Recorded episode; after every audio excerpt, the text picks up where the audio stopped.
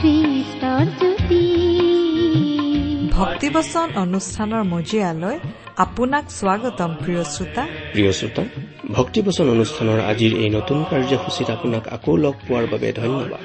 Bible শাস্ত্ৰৰ এই শিক্ষাসমূহে আপোনালৈ আশীৰ্বাদ কঢ়িয়াই আনিছে বুলি আশা কৰিছো। এই ভক্তিবচন অনুষ্ঠানত আমি যিজন ঈশ্বৰৰ বিষয়ে শুনিবলৈ পাওঁ তেওঁ অতি পবিত্ৰ ঈশ্বৰ।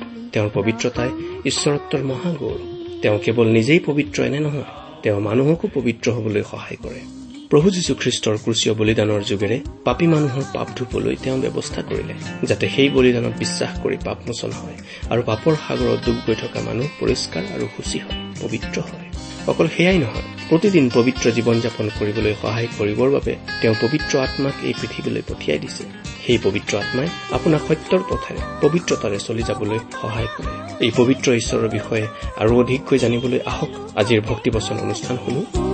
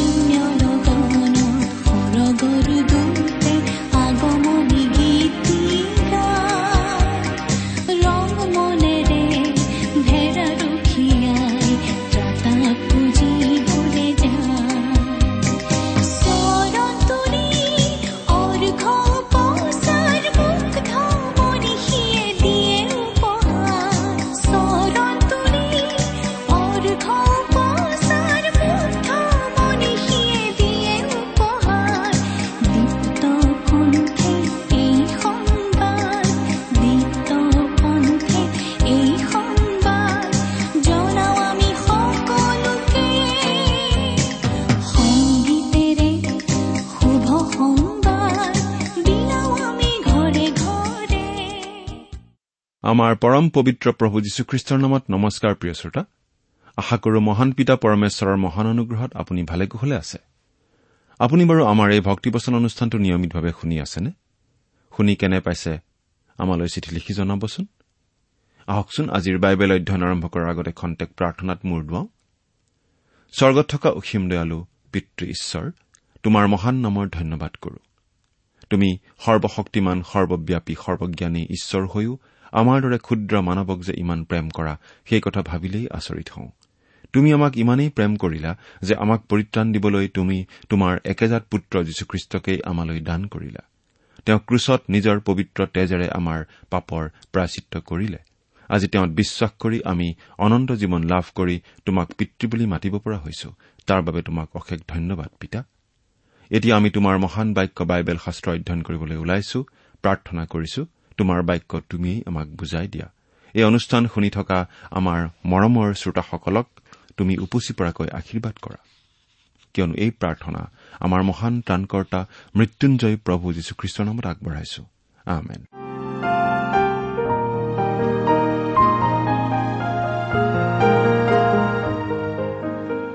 প্ৰিয় শ্ৰোতা আপুনি বাৰু আমাৰ এই ভক্তিপোচন অনুষ্ঠানটো নিয়মিতভাৱে শুনি আছেনে? আমি বাৰু এতিয়া বাইবেলৰ কোনখন পুস্তক অধ্যয়ন কৰি আছো আপোনাৰ মনত আছেনে? আমি আজি কিছুদিনৰ পৰা বাইবেলৰ পুৰণি নিয়ম খণ্ডৰ জিৰিমিয়া ভাৱবাদীৰ পুস্তক নামৰ পুস্তকখন অধ্যয়ন কৰি আছো নহয়নে বাৰু? আমি যোৱা অনুষ্ঠানত এই জিৰিমীয়া ভাওবাদীৰ পুস্তকৰ সাত আঠ ন আৰু দহ এই চাৰিওটা অধ্যায়ৰ চমু আলোচনা আগবঢ়াইছিলো। গতিকে আজি আমি এই জিৰিমীয়া পুস্তকৰ এঘাৰ নম্বৰ অধ্যায়ৰ প্ৰথম পদৰ পৰাই আমাৰ আলোচনা আৰম্ভ কৰিব খুজিছো। এঘাৰ আৰু বাৰ নম্বৰ অধ্যায়ত আমি দেখা পাম যে পবিত্ৰ মন্দিৰত ঈশ্বৰৰ বিধান পুস্তক উদ্ধাৰ হোৱাৰ পাছত জিৰিমিয়াই তাক মানুহৰ আগত পাঠ কৰি শুনায়। আমি জানো যে ঈশ্বৰে মুচিৰ যোগেদি দহ আজ্ঞা দিয়াৰ উপৰিও কিছুমান বিধি বিধান দিছিল আৰু সেইবিলাক অমান্য কৰিলে দণ্ড দিম বুলি ঈশ্বৰে ঘোষণা কৰিছিল। ইছৰাইলৰ লোকসকলে যাতে নিজ পথ শুদ্ধ কৰে তাৰ বাবে জিৰিমিয়াই বিধান পুস্তকৰ যোগেদি সেই কথাবোৰত জোৰ দিছিল।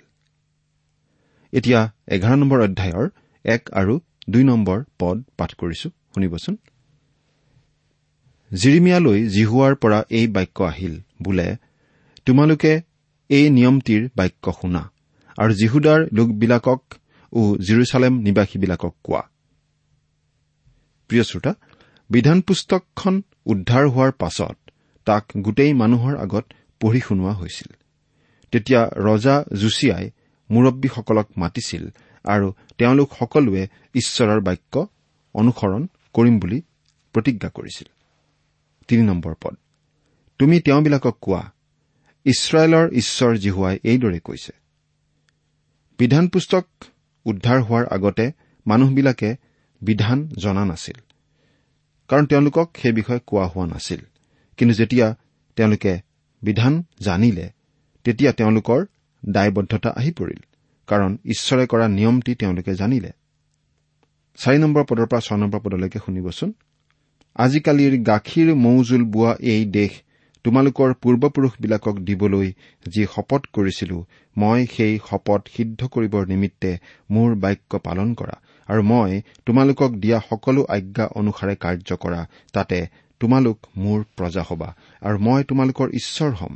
এই বুলি কৈ অগ্নিকুণ্ডস্বৰূপ মিছৰ দেশৰ পৰা তেওঁবিলাকক উলিয়াই আনিবৰ দিনা তোমালোকৰ পূৰ্বপুৰুষবিলাকৰ আজ্ঞা কৰা এই নিয়মটিৰ বাক্য যি মানুহে নুশুনে সেই মানুহ অভিশপ্ত হওক। তেতিয়া মই উত্তৰ দি কলো হে জিহুৱা সেইদৰেই হওক। আৰু জিহুৱাই মোক কলে জিহুদাৰ নগৰবোৰত আৰু জিৰচালেমৰ আলিবোৰত এই সকলো বাক্য ঘোষণা কৰি কোৱা। তোমালোকে এই নিয়মটিৰ বাক্যলৈ কাণ দিয়া আৰু ইয়াক পালন কৰা। প্ৰিয় শ্ৰোতা ঈশ্বৰে কৈছে যে তেওঁৰ নিয়মটিৰ বাক্য যিয়ে অমান্য কৰে তেওঁ অভিশপ্ত হওক। তাৰমানে তেওঁলোকে সৃষ্টিকৰ্তা ঈশ্বৰৰ বাহিৰে আন কাকো ঈশ্বৰ বুলি মানিব নালাগে আৰু সেৱা উপাসনা কৰিব নালাগে। এতিয়া ন নম্বৰ পদৰ পৰা তেৰ নম্বৰ পদলৈকে পাঠ কৰিছো শুনিবচোন। পাছে জিহুৱাই মোক কলে জিহুদাৰ লোকবিলাকৰ আৰু জিৰচালেম নিবাসীবিলাকৰ ভিতৰত চক্ৰান্ত পোৱা গৈছে। তেওঁবিলাকে মোৰ বাক্য শুনিবলৈ অস্বীকাৰ কৰা তেওঁবিলাকৰ পূৰ্বপুৰুষবিলাকৰ অপৰাধবোৰলৈ ঘূৰিল আৰু দেৱ পূজা কৰিবলৈ ইটৰ দেৱতাবোৰৰ পাছত গ'ল। ইছৰাইল আৰু জিহুদা বংশই তেওঁবিলাকৰ পূৰ্বপুৰুষবিলাকৰ লগত মই স্থাপন কৰা নিয়মটি ভাঙিলে। এই হেতুকে জিহুৱাই এইদৰে কৈছে চোৱা তেওঁবিলাকে সাৰিব নোৱাৰা অমংগল মই তেওঁবিলাকলৈ ঘটাম। তেতিয়া তেওঁবিলাকে মোৰ আগত কাটৰোক্তি কৰিব কিন্তু মই তেওঁবিলাকৰ কথা নুশুনিম। তেতিয়া জিহুদাৰ নগৰবোৰৰ লোকে আৰু জিৰচালেম নিবাসীবিলাকে গৈ তেওঁবিলাকে ধূপ জ্বলোৱা দেৱতাবোৰৰ আগত কাটৰোক্তি কৰিব। কিন্তু সেইবোৰে তেওঁবিলাকৰ আপদৰ সময়ত তেওঁবিলাকক সমূলি ত্ৰাণ কৰিব নোৱাৰিব। কিয়নো হে জিহুদা তোমাৰ নগৰ যিমান তোমাৰ দেৱতা সিমান আৰু জিৰচালেমৰ আলি যিমান লজ্জাজনক বস্তুৰ উদ্দেশ্যে এনেকি বালৰ নিমিত্তে ধূপ জ্বলাবলৈ তোমালোকে সিমান যজ্ঞবেদী স্থাপন কৰিলা। সেই সময়ত জিহুদাৰ মানুহবিলাকে নিজ নিজ ঠাইত নিজৰ ইচ্ছামতে একো একোটি দেৱতা নিৰ্মাণ কৰি লৈ সেইবোৰক সেৱা উপাসনা কৰিছিল। কিন্তু ঈশ্বৰে কৈছে যে সেইবোৰে নিজৰ কাৰণেই একো এটি কৰিব নোৱাৰে তেনেস্থলত আনৰ কাৰণে কি কৰিব? তথাপিতো যদি সেইবোৰকেই ঈশ্বৰ বুলি সেৱা কৰা হয় তেন্তে সৃষ্টিকৰ্তা ঈশ্বৰে দণ্ড নিদিয়াকৈ থাকিবনে?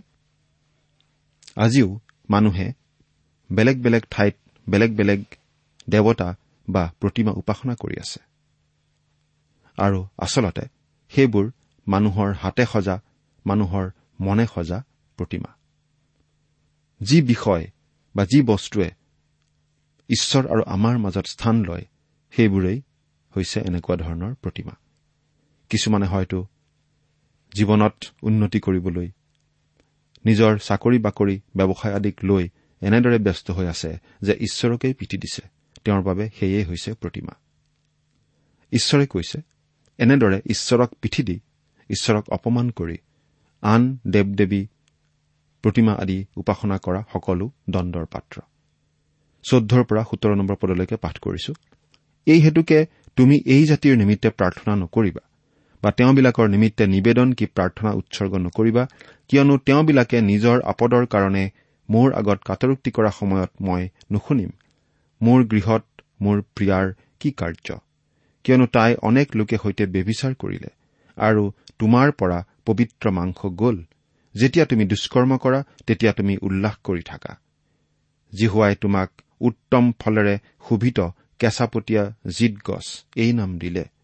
তেওঁ মহা কোলাহলৰ শব্দেৰে সৈতে তোমাৰ ওপৰত জুই জ্বলালে আৰু তাৰ ডালবোৰ ভগ্ন হল। কিয়নো বালৰ উদ্দেশ্যে ধূপ জ্বলাই মোক বেজাৰ দিবৰ অৰ্থে জিহুদা আৰু ইছৰাইল বংশই নিজৰ বিৰুদ্ধে যি দুষ্কৰ্ম কৰিছিল তাৰ কাৰণে তোমাক ৰোপণ কৰা বাহিনীবিলাকৰ জিহুৱাই তোমাৰ বিৰুদ্ধে অমংগল প্ৰকাশ কৰিলে। ঈশ্বৰে স্পষ্টকৈ কৈছে যে যি লোকে সৃষ্টিকৰ্তা ঈশ্বৰক নিজৰ ঈশ্বৰ বুলি স্বীকাৰ নকৰে তেওঁলোকে ঈশ্বৰক অপমান কৰে। তেওঁলোকৰ কাৰণে প্ৰাৰ্থনা কৰিব নালাগে আৰু প্ৰাৰ্থনা কৰিলেও ঈশ্বৰে নুশুনে। তেওঁলোকে অনেক দেৱতাক নিজ হৃদয়ত স্থান দি আম্মিকভাৱে ব্যভিচাৰ কৰে। তিৰোতাই নিজ স্বামীৰ বাহিৰেও অনেকক প্ৰেম কৰিলে জানো অন্তৰ্জ্বালা নোহোৱাকৈ থাকিব পাৰে? ওঠৰৰ পৰা একৈশ নম্বৰ পদলৈকে শুনিবচোন। আৰু জিহুৱাই তাৰ বিষয়ে মোক জ্ঞান দিয়াত মই তাক জানিবলৈ পালো। সেই সময়ত তুমি মোক তেওঁবিলাকৰ কাৰ্য দেখুৱালা। কিন্তু মই বধ কৰিবলৈ নিয়া মৰমৰ ভেড়া পোৱালীৰ নিচিনা আছিলো। আৰু ফলে সৈতে গছডাল কাটো হওক তাৰ নামৰ সোঁৱৰণ আৰু নহবৰ নিমিত্তে আমি জীৱিতবিলাকৰ দেশৰ পৰা তাক উচ্ছন্ন কৰোঁ হওক বুলি কৈ তেওঁবিলাকে যে মোৰ বিৰুদ্ধে কু আলচ পাতিছিল তাক মই জনা নাছিলো। কিন্তু ধাৰ্মিকতাৰে বিচাৰ কৰোতা অন্তৰ আৰু হৃদয় পৰীক্ষা কৰোতা সেই বাহিনীবিলাকৰ জিহুৱা তেওঁবিলাকৰ ওপৰত তুমি সদা প্ৰতিকাৰ মোক দেখিবলৈ দিয়া। কিয়নো মই তোমাৰ আগতেই মোৰ গোচৰ সোধালো। এই হেতুকে অনাথোতৰ লোকবিলাকৰ বিষয়ে জিহুৱাই এই কথা কৈছে। সিহঁতে তোমাৰ প্ৰাণ বিচাৰি কয় হে জিহুৱাৰ নামেৰে ভাৱবাণী প্ৰচাৰ নকৰিবা। কৰিলে তুমি আমাৰ হাতত মৰা পৰিবা। ঈশ্বৰে জিৰিমিয়াক কৈছে যে তেওঁ অনাথোত নামৰ ঠাইত ঈশ্বৰৰ বাক্য ঘোষণা কৰিব নালাগে কাৰণ তাৰ মানুহবিলাকে ঈশ্বৰক অস্বীকাৰ কৰিলে আৰু জিৰিমিয়াকো মাৰিব খুজিছে। জিৰিমিয়াই ঈশ্বৰৰ বাবে থিয় হৈছিল আৰু এইটোৱেই তেওঁৰ মৃত্যুৰ ভয়ৰ কাৰণ হৈছিল। এইকাৰণে তেওঁৰ মন দুখত ভাঙি পৰিছিল। প্ৰভু যীশুৱে কৈছিল যে ভাৱবাদীয়ে নিজৰ ঠাইত সন্মান নাপায়। সঁচাকৈ জিৰিমিয়াই পোৱা নাছিল আৰু প্ৰভু যীশুৱেও নিজ ঠাই এৰি কফৰ নহমলৈ আহিব লগা হৈছিল। ইয়াৰ পৰিৱৰ্তে আমি শুভবাৰ্তা প্ৰচাৰ কৰোতে কওঁ আপুনি যদি খ্ৰীষ্টলৈ আহে তেন্তে তেওঁ আপোনাক নতুন ব্যক্তিত্ব ধন সম্পত্তি দিব আৰু জীৱন সুন্দৰ কৰিব। কিন্তু জিৰিমিয়ালৈ যদি আমি চাওঁ তেওঁ জীৱনত কষ্ট পাইছিল। অৱশ্যে সেই কষ্ট বহুমূলীয়া আৰু আজিও তাৰ মূল্য শেষ হোৱা নাই। যি কি নহওক জুচিয়া আৰু জিৰিমিয়াৰ চেষ্টাৰ ফলত জিহুদাৰ মানুহবিলাক কিছু পৰিমাণে ঈশ্বৰলৈ ঘূৰিছিল যদিও জুচিয়াৰ মৃত্যুৰ পাছত তেওঁলোক পুনৰ আগৰ সেই প্ৰতিমা সেৱা কৰাৰ অৱস্থালৈ ঘূৰি গৈছিল আৰু নৈতিকতাৰ অধঃপতন ঘটিছিল। এই দেখি জিৰিমিয়াই কান্দি কান্দি মানুহবিলাকক শিক্ষা দিছিল। কিন্তু মানুহবিলাকে তেওঁৰ শিক্ষা শুনাৰ পৰিৱৰ্তে তেওঁক মাৰিবলৈহে বিচাৰিছিল। তেনে সময়তেই তেওঁক সহায় কৰিবলৈ কোনো আগবাঢ়ি অহা নাছিল আৰু সেইকাৰণে তেওঁ নিজ ঠাই অনাথোত এৰি যাবলগীয়া হৈছিল। প্ৰিয় শ্ৰোতা এঘাৰ নম্বৰ অধ্যায়ৰ আলোচনা আমি ইমানতেই সামৰিছো আৰু এতিয়া বাৰ নম্বৰ অধ্যায়লৈ আগবাঢ়ো। এই বাৰ নম্বৰ অধ্যায়ত আমি জিহুদাৰ মানুহৰ একেবাৰে দুষ্টতাৰে পৰিপূৰ্ণ যুগ এটাত প্ৰৱেশ কৰিছো। কাৰণ ৰজা যোচিয়াক হত্যা কৰা হ'ল আৰু জিৰিমিয়াকো নিজ চহৰ এৰি যাবলৈ বাধ্য কৰা হ'ল। তাৰ পাছত জিহুদাৰ ৰাজপাতত এজন অতিশয় দুষ্ট লোক ৰজা হিচাপে বহিল। সেইকাৰণে দুখ কৰি জিৰিমিয়াই কি কৈছে?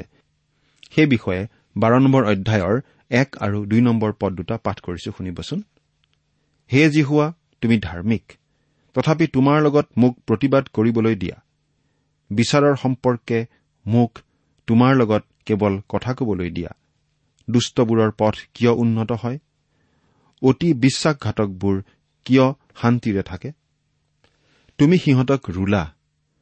এনেকি সিহঁত শিপালে সিহঁত বাঢ়িছে এনেকি ফলো ধৰিছে?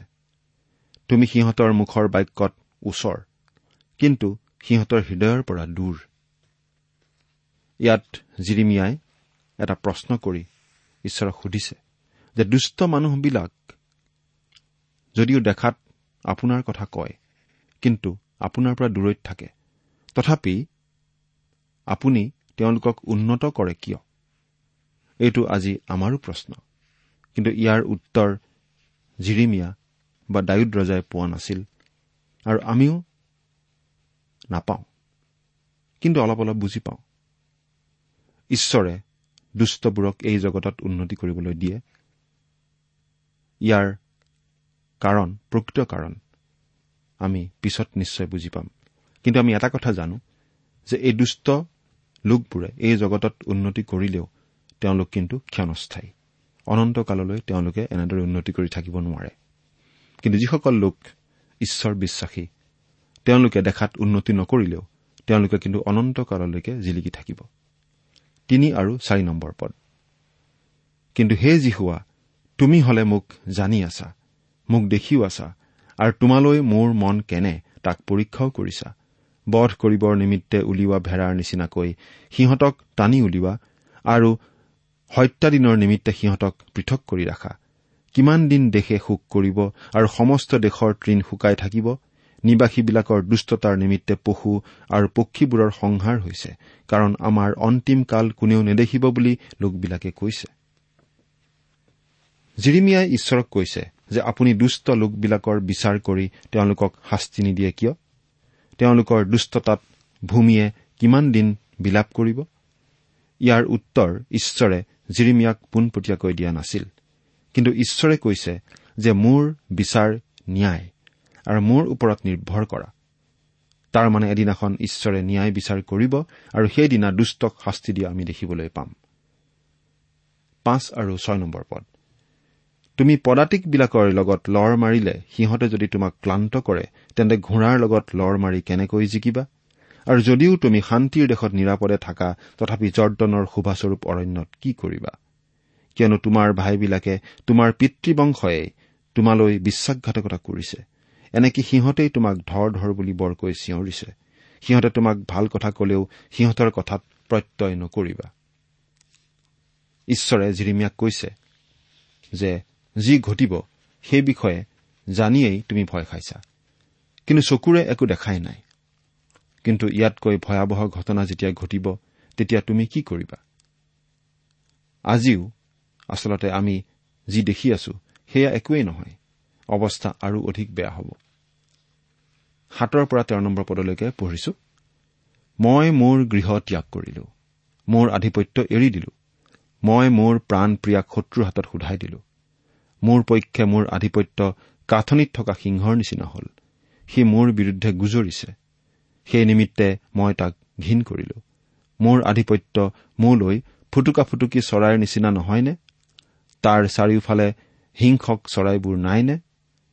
তোমালোকে যোৱা মোৰ আধিপত্য ভোজন কৰিবলৈ বনৰীয়া পশু আটাইবোৰক গোটাই অনাগৈ অনেক ভেড়াৰখীয়াই মোৰ দ্ৰাক্ষাবাৰী নষ্ট কৰিলে। মোৰ ভাগ ভৰিৰ তলত মোহাৰিলে। মোৰ সন্তোষজনক ভাগ ধ্বংস অৰণ্য কৰিলে। সিহঁতে তাক উচ্ছন্ন ঠাই কৰিলে। সেয়ে ধ্বংস হৈ মোৰ আগত বিলাপ কৰিছে। সমুদায় দেশ উচ্ছন্ন হল কাৰণ কোনেও মনোযোগ কৰা নাই। অৰণ্যত থকা গছ শূন্য পৰ্বতবোৰৰ ওপৰলৈকে ধ্বংসকাৰীবোৰ গ'ল। কিয়নো জিহুৱাৰ তৰোৱালে দেশৰ এক সীমাৰ পৰা আন সীমালৈকে সকলোকে গ্ৰাস কৰিছে। কোনো প্ৰাণীৰ শান্তি নাই। তেওঁবিলাকে ঘেঁহু বৈ কাঁইট ডালে। তেওঁবিলাকে দুখ কৰিও একো উপকাৰ নাপালে। তোমালোকে জিহুৱাৰ প্ৰচণ্ড ক্ৰোধৰ কাৰণে নিজ নিজ ফলৰ বিষয়ে লজ্জিত হোৱা। প্ৰিয় শ্ৰোতা ঈশ্বৰে জিৰিমিয়াক কৈছে যে তোমাৰ শত্ৰুবোৰে তোমাৰ বিৰুদ্ধে গুজৰি ফুৰিছে আৰু সিহঁতৰ আগত তুমি কলি ফুটি ওলোৱা পোৱালি যদিও তুমি ভয় নকৰিবা কাৰণ তোমাৰ লগত মই আছো। পোন্ধৰৰ পৰা সোতৰ নম্বৰ পদ। কিন্তু উভলাৰ পাছত মই পুনৰাই দয়া কৰিম আৰু প্ৰতিজনক পুনৰাই তাৰ আধিপত্যলৈ আৰু তাৰ মাটিলৈ আনিম। যেনেকৈ সিহঁতে মোৰ প্ৰজাবিলাকক বালৰ নিমিত্তে শপত কৰিবলৈ শিকাইছিল তেনেকৈ জিহুৱাৰ জীৱনৰ শপত বুলি মোৰ নামেৰে শপত কৰিবলৈ মোৰ প্ৰজাবিলাকৰ পথ যদি সিহঁতে যত্নেৰে শিকে তেন্তে মোৰ প্ৰজাবিলাকৰ মাজত সিহঁতক স্থাপন কৰা হ'ব। যদি সিহঁতে নুশুনে তেন্তে মই সেই জাতিক উঘালি পেলাম। আৰু উঘালি পেলাই তাক নষ্ট কৰিম ইয়াক জিহুৱাই কৈছে। ইছৰাইলৰ লোকসকলে ঈশ্বৰৰ অবাধ্য হৈ যদি চলি থাকে তেতিয়াহ'লে ঈশ্বৰে কৈছে যে তেওঁ তেওঁলোকৰ সুদবিচাৰ কৰিব আৰু তেওঁলোক শত্ৰুৰ হাতত বন্দী হ'ব লাগিব দেশান্তৰিত হ'ব লাগিব। কিন্তু অৱশেষত অৱশ্যে তেওঁলোকক পুনৰ নিজ দেশলৈ ঘূৰাই আনিব। বাৰ নম্বৰ অধ্যায়ৰ আলোচনা আমি ইমানতে সামৰিছো আৰু তেৰ নম্বৰ অধ্যায়ৰ এক আৰু দুই নম্বৰ পদ পাঠ কৰিছো। শুনিবচোন। জিহুৱাই মোক এইদৰে কলে তুমি গৈ শনৰ এগছ টঙালি কিনি তোমাৰ কঁকালত বান্ধা তাক পানীত নিতিয়াবা। তাতে মই জিহুৱাৰ বাক্য অনুসাৰে এগছ টঙালি কিনি মোৰ কঁকালত বান্ধিলো। কঁকাল বান্ধনিৰ অৰ্থ হ'ল সেৱা আগবঢ়োৱাৰ চিন। প্ৰভু যীশুৱেও তেওঁৰ শিষ্যসকলৰ ভৰি ধুওৱাৰ আগতে গামোচাৰে নিজৰ কঁকালত বান্ধি লৈছিল। ইয়াৰ দুটা অৰ্থ আছে। তাৰে এটা হ'ল যীশুৱে তেওঁৰ শিষ্যসকলক কাৰ্যৰ বাবে প্ৰস্তুত কৰিছিল আৰু দ্বিতীয়টো হ'ল ঈশ্বৰৰ পবিত্ৰ কাৰ্যৰ বাবে যীশুৱে শিষ্যসকলক সূচী কৰিছিল। তিনি নম্বৰ পদৰ পৰা পাঁচ নম্বৰ পদলৈকে শুনিবচোন। পাছে দ্বিতীয়বাৰ জিহুৱাৰ বাক্য মোৰ ওচৰলৈ আহিল। বোলে তুমি যি টঙালি কিনিলা আৰু তোমাৰ কঁকালত আছে তাক লোৱা আৰু উঠি ফৰাতলৈ গৈ শিলৰ ফাটত তাক লুকুৱাই ৰাখা। তাতে মই জিহুৱাৰ আজ্ঞা অনুসাৰে গৈ ফৰাতৰ কাষত তাক লুকুৱাই ৰাখিলো। প্ৰিয় শ্ৰোতা জিৰিমিয়া ফৰাত অঞ্চললৈ গৈ কঁকাল বান্ধনি লুকুৱাই থৈছিল নে নাই এইটো এটা বিতৰ্কৰ কথা হৈ আছে। কিন্তু আমাৰ বিশ্বাস যে তেওঁ তালৈ গৈছিল আৰু তাৰ পৰা ঘূৰি অহাৰ পাছত মানুহবিলাকে তেওঁক নিশ্চয় সুধিছিল যে তেওঁ ফৰাতলৈ ৰজাৰ কামৰ বাবে নে ব্যৱসায়ৰ বাবে গৈছিল। উত্তৰত হেনো তেওঁ কঁকাল বান্ধনি লুকাই থবলৈ যোৱা বুলি কোৱা শুনি মানুহবিলাকে তেওঁক নিশ্চয় হাঁহিছিল। যি কি নহওক ছয় আৰু সাত নম্বৰ পদ শুনিবচোন। পাছে বহুদিন গলত জিহুৱাই মোক কলে তুমি ফৰাতলৈ যোৱা আৰু মই তাত লুকুৱাই ৰাখিবলৈ তোমাক আজ্ঞা দিয়া টঙালি গছ তাৰ পৰা আনাগৈ। তেতিয়া মই ফৰাতলৈ গৈ মই লুকুৱাই থোৱা ঠাইৰ পৰা টঙালি গছ খানি আনিলো। কিন্তু চোৱা সেই টঙালি গছ নষ্ট হল।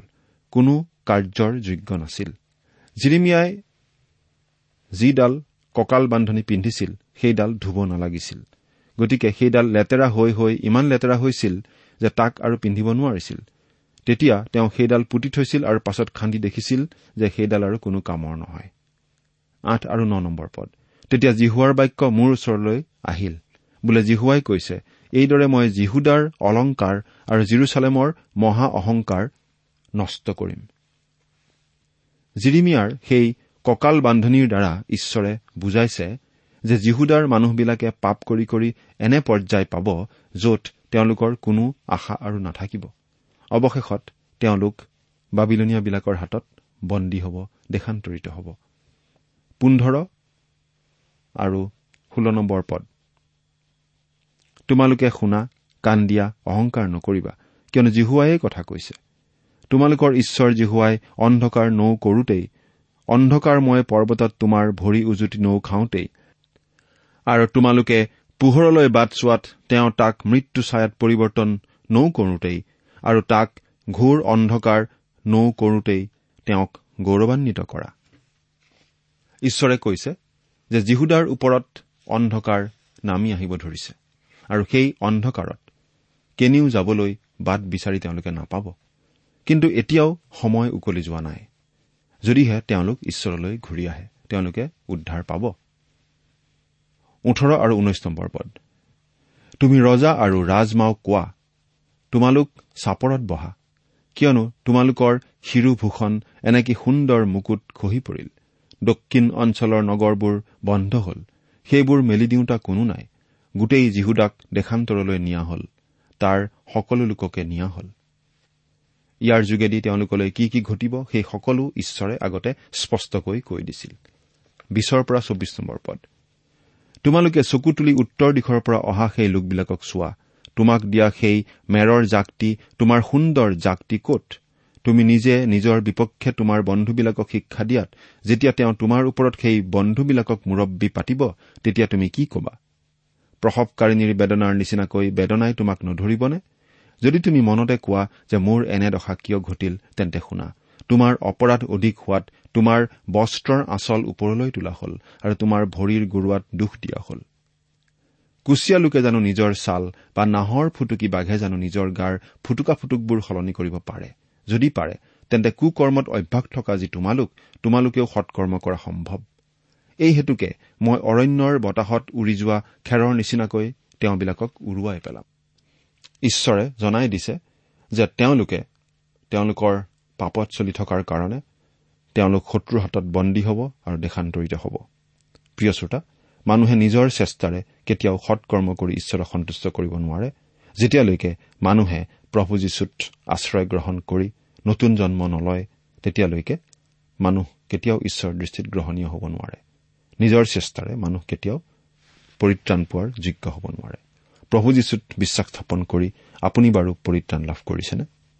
ঈশ্বৰ আপোনাৰ সহায় হওক।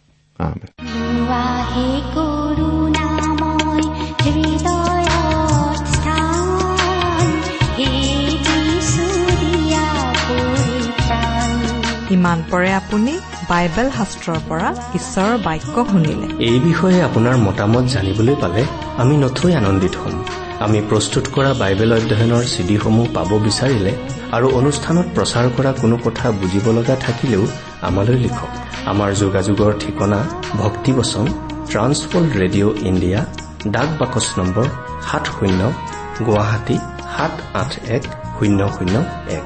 ঠিকনাটো আকৌ এবাৰ কৈছো ভক্তিবচন ট্ৰান্সৱৰ্ল্ড ৰেডিঅ' ইণ্ডিয়া ডাক বাকচ নম্বৰ সাত শূন্য গুৱাহাটী সাত আঠ এক শূন্য শূন্য এক আমাৰ ইমেইল এড্ৰেছটো হৈছে Assamese T TV at the rate radio' eight eight two dot com আমাৰ website W W W dot T W R dot in আপুনি টেলিফোনৰ মাধ্যমেৰেও আমাক যোগাযোগ কৰিব পাৰে। আমাৰ টেলিফোন নম্বৰটো হৈছে nine eight five four zero' four zero' eight eight nine